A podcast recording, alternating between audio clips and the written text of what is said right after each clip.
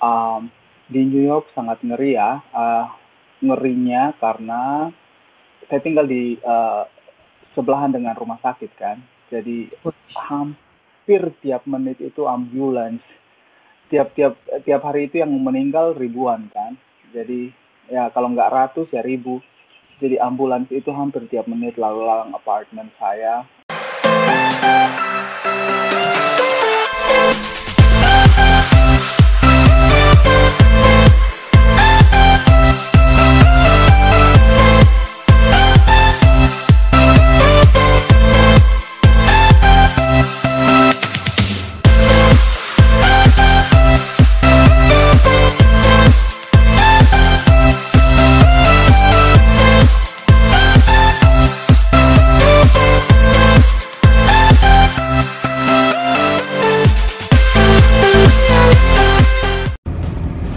Kabar? Balik lagi bersama gua Kidung. Gua bakal nemenin kalian seperti biasa ngabuburit. Kali ini gua ngobrol barengnya sendiri sebenarnya. Kalau ini kan sebenarnya dari kemarin udah janjian cuma bentrok waktunya jadi nggak bisa. Nah seperti biasa, gua bakal promo ini uh, apa namanya buat kalian yang punya uh, toko online makanan dan minuman itu gratis. Nah ini salah satunya bakso bakso. Apa ya? Oh tahu bakso? Wah kayaknya enak banget. Tuh jangan lupa tuh di follow dan juga di order. Oh iya sekarang kan udah akhir puasa ya. Nggak terasa mau lebaran. Seperti biasa gue bakal nemenin kalian ngisi konten yang positif dan informatif. Nah ini gue pengen tahu sih uh, narsum kali kita uh, kali ini kita uh, dari luar negeri. New York. Di New York New York asal Kupang pengen tahu seperti apa ditonton sampai habis. Sebelum ini kalian bisa like komen share dan juga subscribe. Jangan lupa ditonton sampai habis sekali lagi ya. Oke okay? check it out. Saya Rian Jita saya asalnya dari uh, Kupang. Uh, kemudian 2018 saya dapat beasiswa ke Amerika lewat beasiswa Fulbright saya menempuh uh, jenjang S2 saya di sini di dua universitas di Vanderbilt University di Nashville dan Columbia University di New York. Jadi selama dua tahun ini saya tinggal di dua kota berbeda itu dan ya ngambil S2. Saya baru selesai uh, wisuda kemarin uh, dua minggu lalu tanggal 8 uh, seminggu lalu lebih tepatnya 8 Mei dan menyelesaikan S2 saya dan uh, akan lanjut lagi dapat beasiswa lanjut S3 lagi di sini jadi akan tinggal lagi di sini lima tahun. Oh, lima tahun lagi? Yep. oh iya oke. Okay. sebelumnya kan mas kan uh, dia pendidikan lalu itu uh, gimana sih mas kondisi sekarang ini di Amerika? Karena kan covid kayak gini terutama mas saya lihat sih baru lulus juga. Itu uh, apa sih mas yang mas rasakan ketika udah mau ujian apalagi kan? Kayak gitu di Amerika apalagi. Hmm. ya kebetulan uh, saya tinggal di New York kan waktu covid. Uh, New York itu kayak Wuhan kedua kan bahkan lebih gila kan kasusnya. Uh, karena ya New York kalau Jakarta bisa bisa lima kalinya Jakarta uh, padatnya uh, kota itu.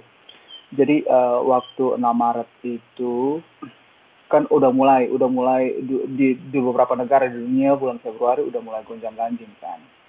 Nah mulai Maret itu mulailah uh, angka di um, New York udah mulai naik dan uh, kepanikan warga udah mulai terlihat kan. Jadi saya ingat banget uh, 6 Maret orang udah mulai line up, orang udah mulai uh, what we call, uh, udah mulai baris di depan supermarket dan segala macam. sesuatu hal yang aneh sih buat saya karena orang orang New York jarang banget mau mau baris. Jadi saya lihat itu oh something is going to happen. Uh, akan terjadi sesuatu nih kayaknya. Kok semua orang udah mulai panik? Jadi mulai 6 Maret itu saya udah mulai uh, baris juga beli semua keperluan. Karena saya tahu kalau udah disuruh nggak boleh keluar berarti nggak boleh keluar. Gitu jadi um, saya beli semua barang-barang untuk saya perlukan beberapa minggu ke depan. Dan selama selama COVID itu yang saya lakukan ya cuma tinggal di dalam kamar apartemen. uh, kebetulan saya ngelakuin riset di New York. Uh, uh, ada penelitian dengan profesor di Columbia University. Jadi selama COVID itu ya mengerjakan penelitian itulah yang yang buat saya nggak boring di dalam kamar doang. Bener-bener literally di dalam kamar. Kegiatan saya cuma kamar kamar mandi dapur kamar kamar mandi dapur selama saya nggak pernah keluar literally nggak pernah keluar dari apartemen selama 9 minggu dari dari 6 Maret. Terakhir saya keluar yaitu saya ke bandara uh, 5 Mei 5 Mei. Jadi dari 6 Maret sampai 5 Mei saya nggak keluar sama sekali saya cuma di apartemen nah 5 Mei itu kenapa saya keluar? Karena saya harus pulang ke Nashville untuk ikut graduation saya sekalipun itu graduation virtual.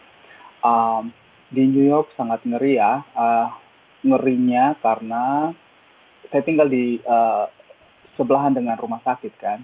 Jadi hampir tiap menit itu ambulans.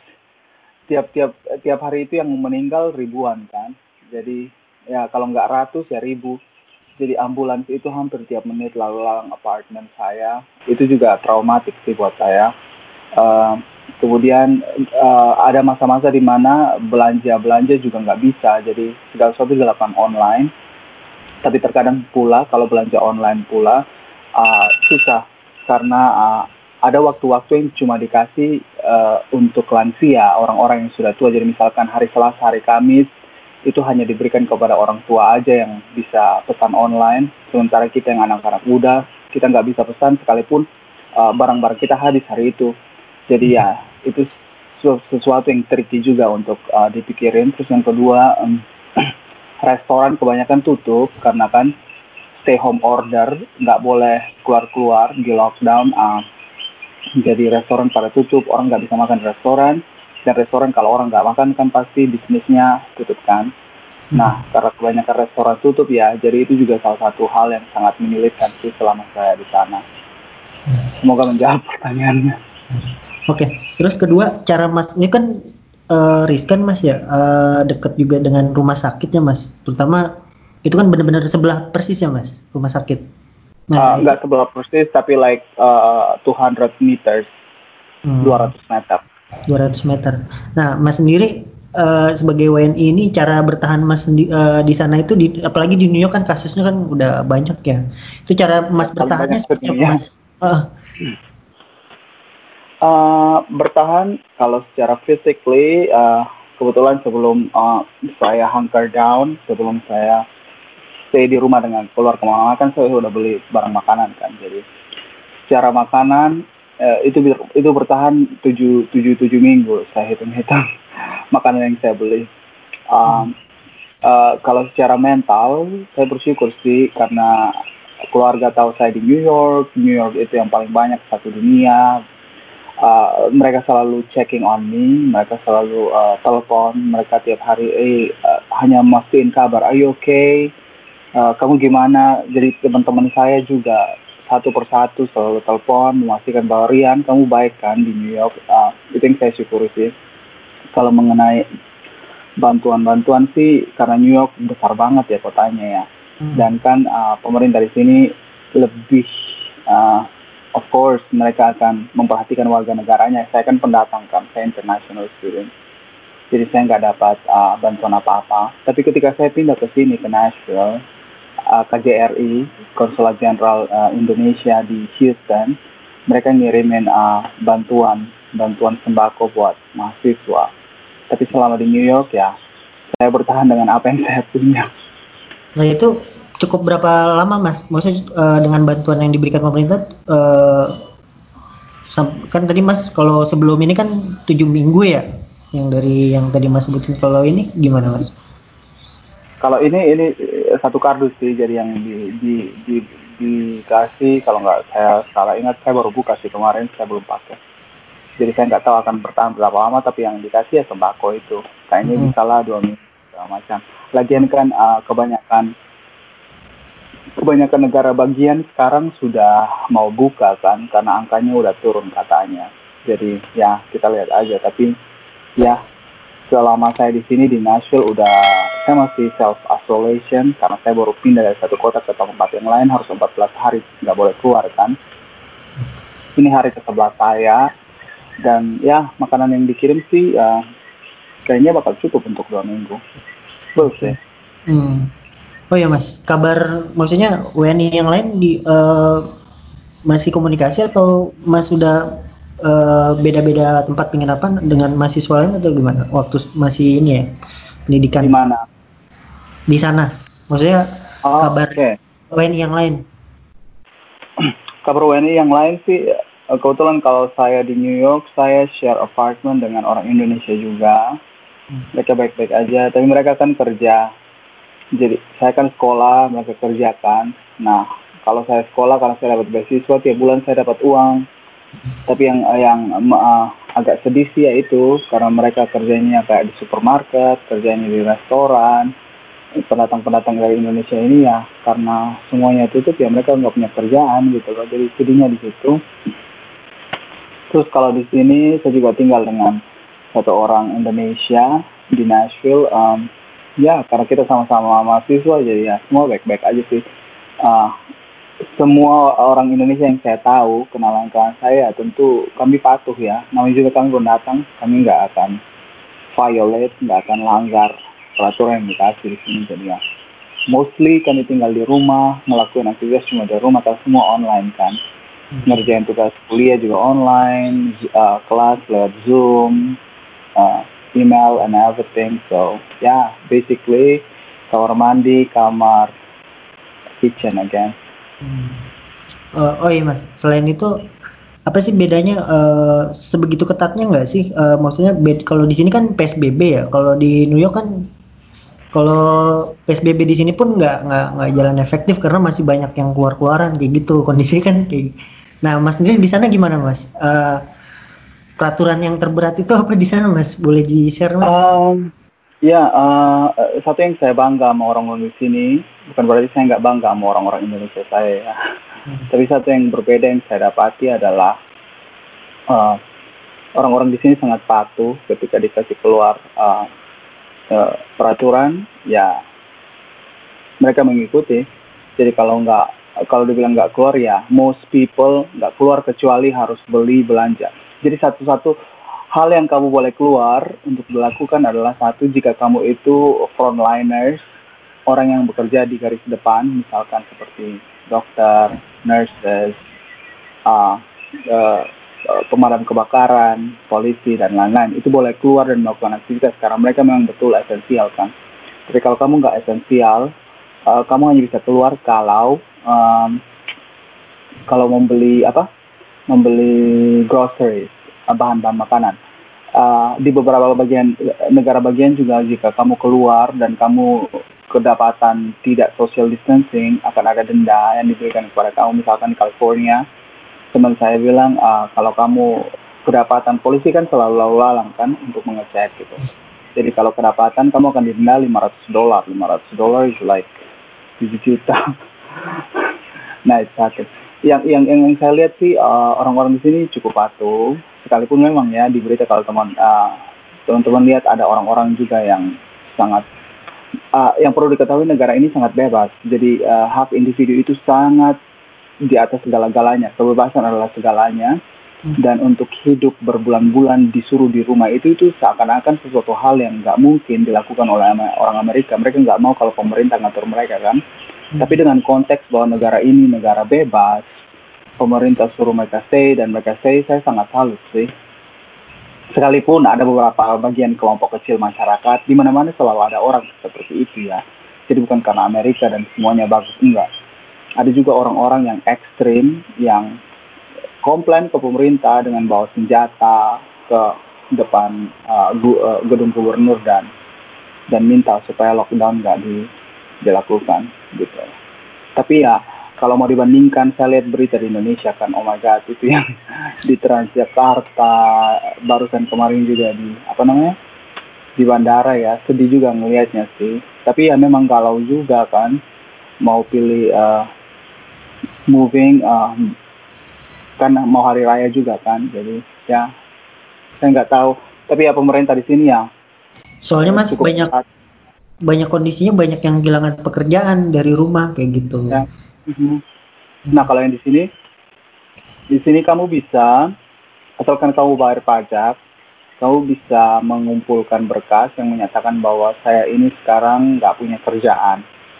Asalkan kamu bayar pajak, kamu ngumpulin itu, maka pemerintah akan mengirimkan bantuan dana kepada kamu uh, 1.200, 1.200 itu sekitar 17-18 juta per bulan per orang buat kamu.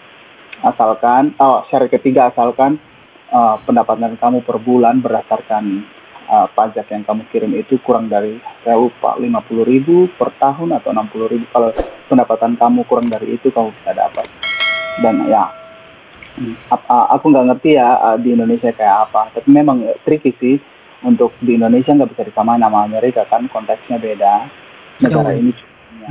Punya punya ekonomi yang kuat sekalipun udah punya ekonomi yang kuat aja sekarang udah mau kolaps kan. Jadi saya sangat mengerti di Indonesia pasti pemerintah berat banget kan. Pemerintah berat banget untuk memutuskan hal tersebut. Jadi ya balik lagi ke individual. Karena memang kata teman saya antara hidup mati karena corona atau mati karena kelaparan. Oke mas. Paling lanjut ke masalah itu apa? Lanjut ke pendidikan mas ya yang Mas baru selesai itu Mas ya. ngambil jurusan apa Mas? Sorry kalau boleh tahu di S2-nya ya? Uh, ya, saya ngambil International Education Policy, kebijakan pendidikan internasional. Jadi bagaimana saya melihat uh, kebijakan dari kebijakan pendidikan dari setiap negara di dunia, mencoba belajar apa sih yang dilakukan negara A dengan pendidikannya sehingga pendidikannya bagus. Apa sih yang bisa saya pelajari dari misalnya Finlandia yang bisa diterapkan di Indonesia seperti itu paling yang menarik sih beasiswa yang Mas dapatkan sih boleh di share nggak sih uh, dan sebelumnya Mas emang minat uh, uh, mau pendidikan di sana atau uh, dapat informasi atau gimana Mas? Soal oh, beasiswa. saya ada dulu ya yang saya ada dulu uh, pengen pengen banget keluar negeri kan lanjut uh, sekolah di luar negeri karena kebetulan dosen-dosen saya waktu kuliah S1 juga dosen dari Amerika kan jadi jadi mereka datang selama summer ngajar di Pelita Harapan saya dari Pelita Harapan. Jadi saya saya lihat wow keren banget ya dosen-dosen dari Amerika ini untuk ngajar untuk bagi ilmunya. Jadi jadi mulai dari saat itu I was like I really needed to go to the US saya benar-benar pengen banget ke US jadi ya saya apply lah saya apply uh, scholarship ini. Uh, saya saya nulis blog sih mas. Jadi bisa lihat di Rian uh, .wordpress.com.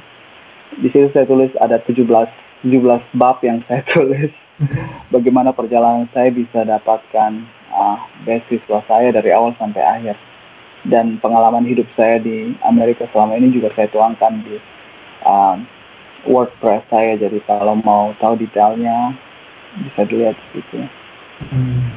Mas, uh, tantangannya apa sih mas? Kan beda mas ya? Kalau emang normal apa enggak ya mas? Yang kemarin mas dapetin karena kan ujian ya maksudnya masuk antara kelulusan sebelum ini ya.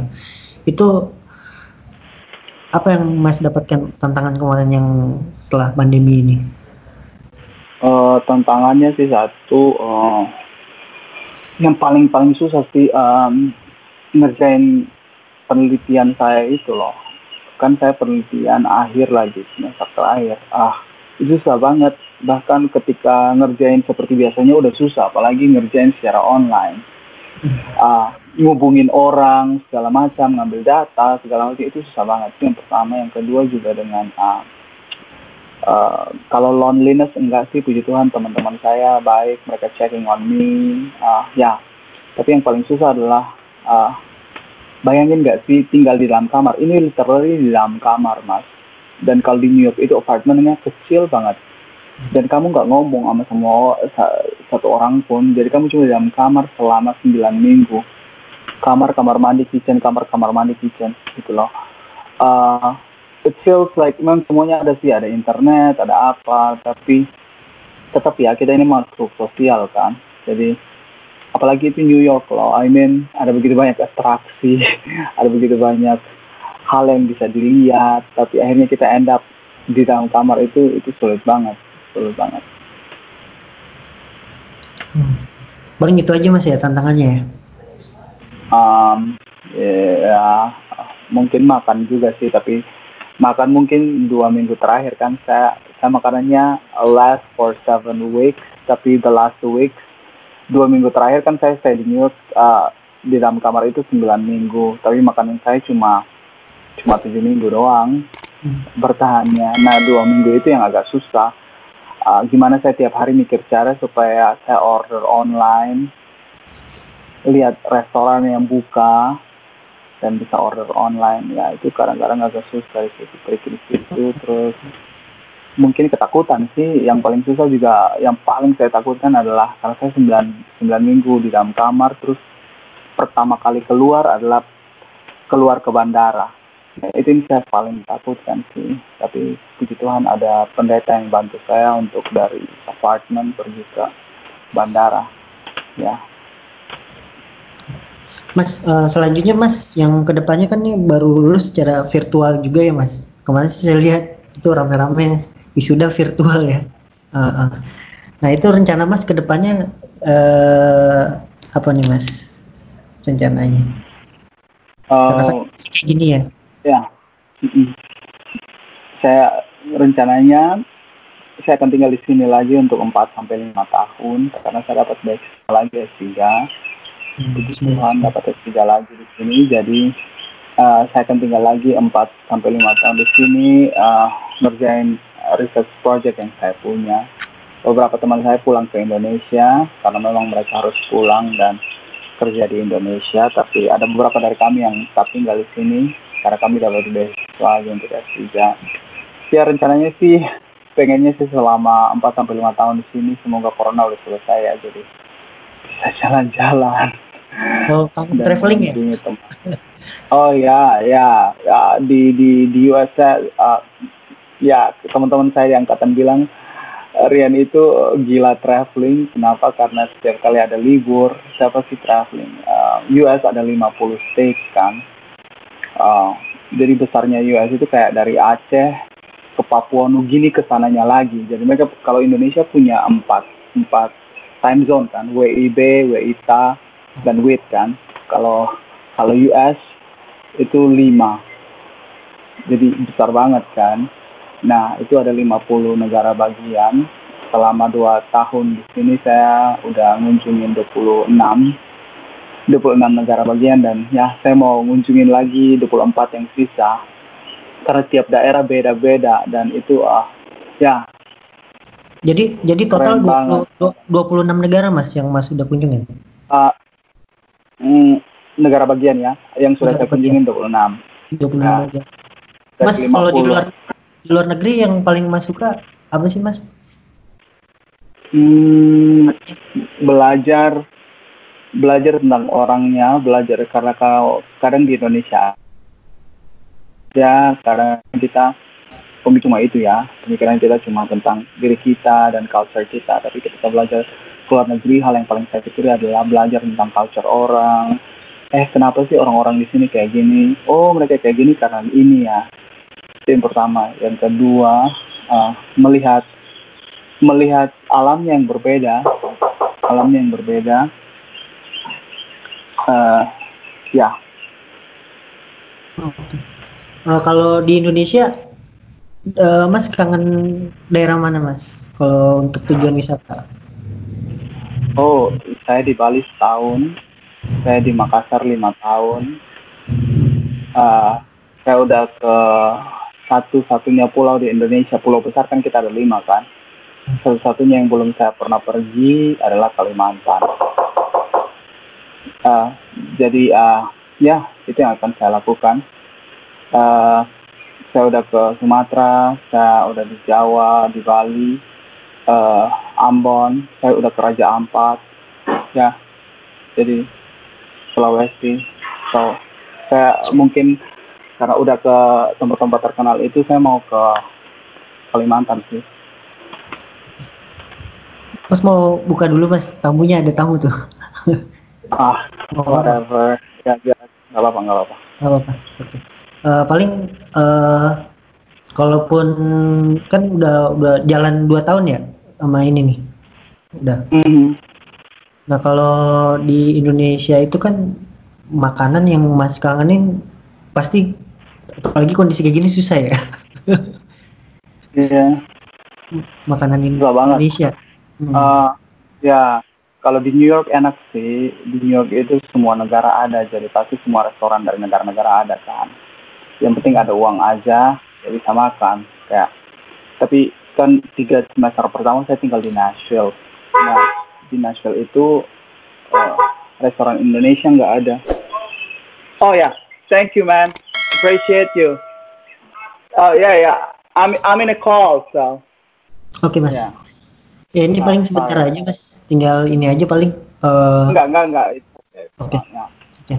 Eh, paling kalaupun nanti balik ke Indonesia apa yang Mas bawa? Maksudnya cita dari cita-cita Mas kan dari beasiswa. Nah, itu apa Mas yang bakal Mas lakukan di Ya. Indonesia setelah lulus ya? Semuanya dari S3. Uh, ya, semoga ilmunya bisa bermanfaat buat orang lain, eh, bisa membantu pendidikan di Indonesia, bisa memberikan sumbangsi juga buat kemajuan pendidikan Indonesia. Saya saya saya guru kan, saya guru selama enam tahun di Indonesia, jadi saya tahu betapa susahnya memajukan uh, mutu pendidikan Indonesia dengan keterbatasan yang kita punya. Jadi ya, we'll see. Ya. Oke. Iya. Paling lebih itu aja Mas. Mudah-mudahan eh, apa namanya cukup mewakili ya dan juga kalaupun nanti ada sharing segala macam beasiswa kan nanti udah di share blognya juga.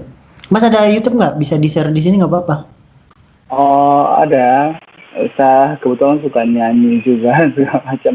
Saya dulunya wedding singer juga, Eh, tapi sudah lama nggak nggak upload upload sih. Eh, gitu. Saya ya nama saya Rian Renaldi Gita. Hmm. Ya, paling semoga sehat semua sih mas. Apalagi di sana berat banget kayaknya. Ah, Iya di sana juga Oh. ya. di sini pada apa ya? Susah sih mas. Eh, ya udah kelamaan juga akhirnya keluar juga. Ya. Udah Ya, capek ya. Sehat lah. Ya. Oke. mas. Ini boleh recordingnya